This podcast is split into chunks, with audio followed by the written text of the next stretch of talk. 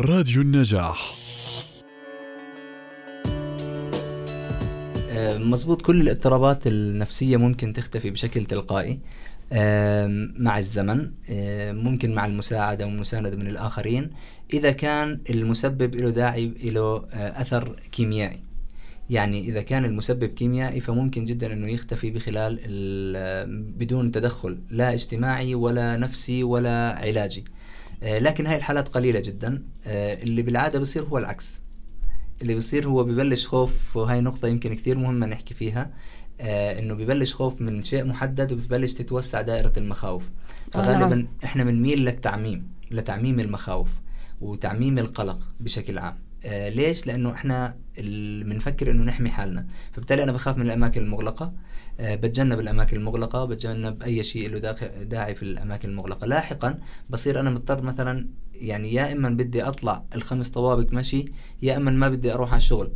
فلاحقا بصير أحكي خلص ما بدي الشغل ممكن أترك الشغل. بصير كتير يتجنب آه. وأتجنب إنه أروح على هاي الاماكن أو أدور على شغل مثلا الباب تبعه مباشرة على الشارع ف أو بيت ال- الباب تبعه على الشارع أو أبعد عن أي شيء مثلا في إدراج أو في آه، مصاعد. فبالتالي ب- يعني بصير تزيد عزلتي عن المجتمع شوي شوي. آه، بالإضافة لأنه ممكن أحس حالي مكشوف مثلا من المجتمع أنه والله آه، بخاف من المصاعد بصير. آه، استهزاء بصير خاف فهي بزيادة. ممكن يعرضني للاستهزاء فأحسن إني ما أطلع مع هذا المجتمع.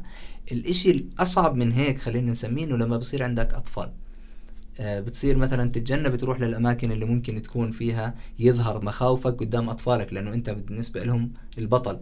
أو أكيد. الشخص السوبر القدوة. ماما زي ما بيحكوها أو ال- الأب القدوة بالضبط فأنا البطل من وجهة نظر ابني ما بدي أخسر هاي ال- الفكرة فخليني بالبيت وخليني بعيد عن الأماكن هاي فتجنب بزيد شوي شوي فبالتالي بصير مخاوف بتبلش بالأماكن المغلقة بتصير مخاوف من أشياء ثانية وأكثر وأكثر لأنه كل ما زادت العزلة التفكير بيزيد والتجنب بيزيد والأفكار بتزيد فهذا الشيء بيسبب آه، زيادة عدد المخاوف دكتور طب ما هي طرق العلاج؟ العلاج غالبا بيعتمد على المواجهة. هلا شو الطريقة اللي بننتهجها لمواجهة هذا الاضطراب آه، هي اللي بتختلف.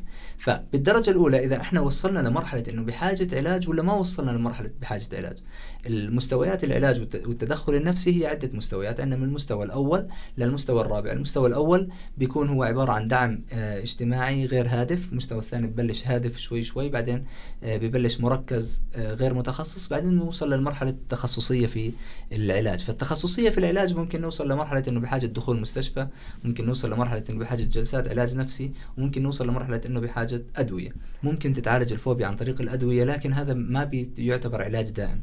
العلاج بالمواجهة. آه نعم. فالعلاج بالمواجهة ما بيكون دائما مواجهة مباشرة.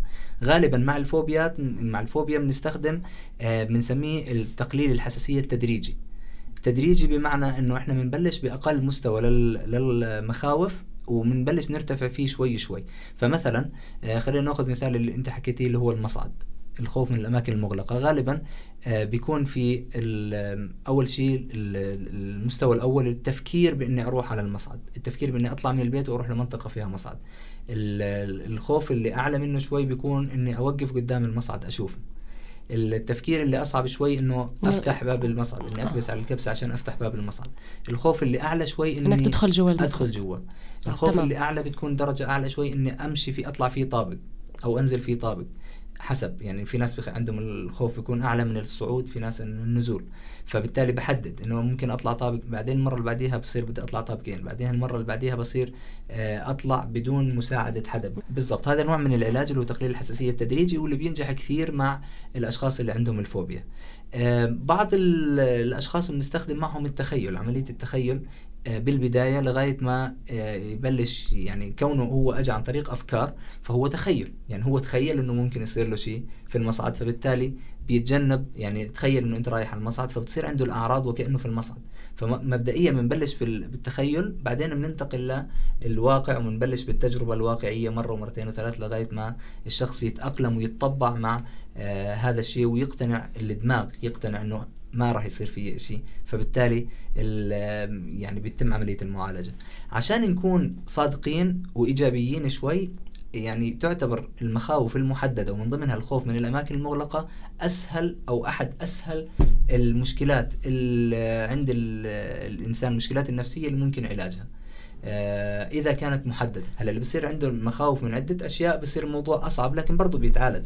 بس الخوف من الأماكن المغلقة من الأشياء اللي ممكن علاجها أسهل من غيرها. نفس الشيء. نفس الشيء. نفس الشيء. إذا كان محدد بشيء معين بتكون العلاج أسهل من إنه يكون عدة أنواع من الفوبيا. في عندنا شيء بنسميه اللي هو رهاب الساح اللي ممكن يكون عند الشخص عدة أنواع من الفوبيا. أربع أو خمس أنواع من الفوبياز أو من المخاوف اللي مشتركة في نفس الوقت. هذا بسميه خلص صار رهاب ساح رهاب مفتوح. الأماكن المفتوحة مش بس مغلقة كمان. فبالتالي هذا بصير أصعب شوي لكن حتى هذا له علاج. له علاج. يعني الحمد لله الآن العلم تطور كثير في المجال النفسي وصار في علاج يعني لعدة آه، أنواع من الاضطرابات النفسية. الأغلب الاضطرابات النفسية صار لها علاج. آه، ممكن نعتمد بالعلاج على العلاج النفسي ممكن نعتمد نعتمد على دمج العلاج النفسي والدوائي مع بعض. وفي الحالات المعقده جدا ممكن نحتاج لدخول المستشفى. لكن للأمانة يعني أنا شخصيا ما مر علي ولا حالة دخول مستشفى بسبب خوف من مكان واحد محدد أو من شيء محدد. يعني مثلا خوف من أماكن مغلقة ما بيدخل المستشفى لكن ممكن نلجأ للدواء. الدواء بيشتغل على مواد كيميائية في الدماغ لها دور في موضوع المخاوف, المخاوف. بالإضافة لأنه بينزل من الأعراض الجسدية عن طريق إنه بيشتغل على الأدرينالين والنور ادرينالين اللي هم لهم دور كبير في عملية المخاوف. فتنزيل الأدرينالين والنور ادرينالين بيخلي الشخص خايف بس مستوى الخوف أقل آه، من إنه لو ما كانش ماخذ دواء. آه نعم. تمام؟ فبالتالي بيساعدنا على العلاج النفسي. ففي بعض الحالات للأمانة كمان تجاوبوا للأدوية وانحلت مشكلتهم بدون علاج نفسي لكن عددهم قليل جدا.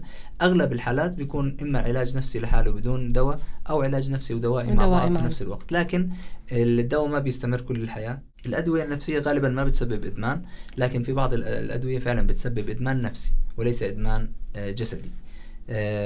فالأشخاص هذول ممكن إنه آه، يتوجهوا للعلاج يفكر إنه أنا راح آخذ الدواء كل حياتي. لا أنت ما راح تاخذه كل حياتك. إذا كانت مخاوف محددة فهي ممكن ست شهور أو أربع شهور وتوقف الدواء وترجع لحياتك الطبيعية بدون الدواء النفسي وبتستمر أمورك تمام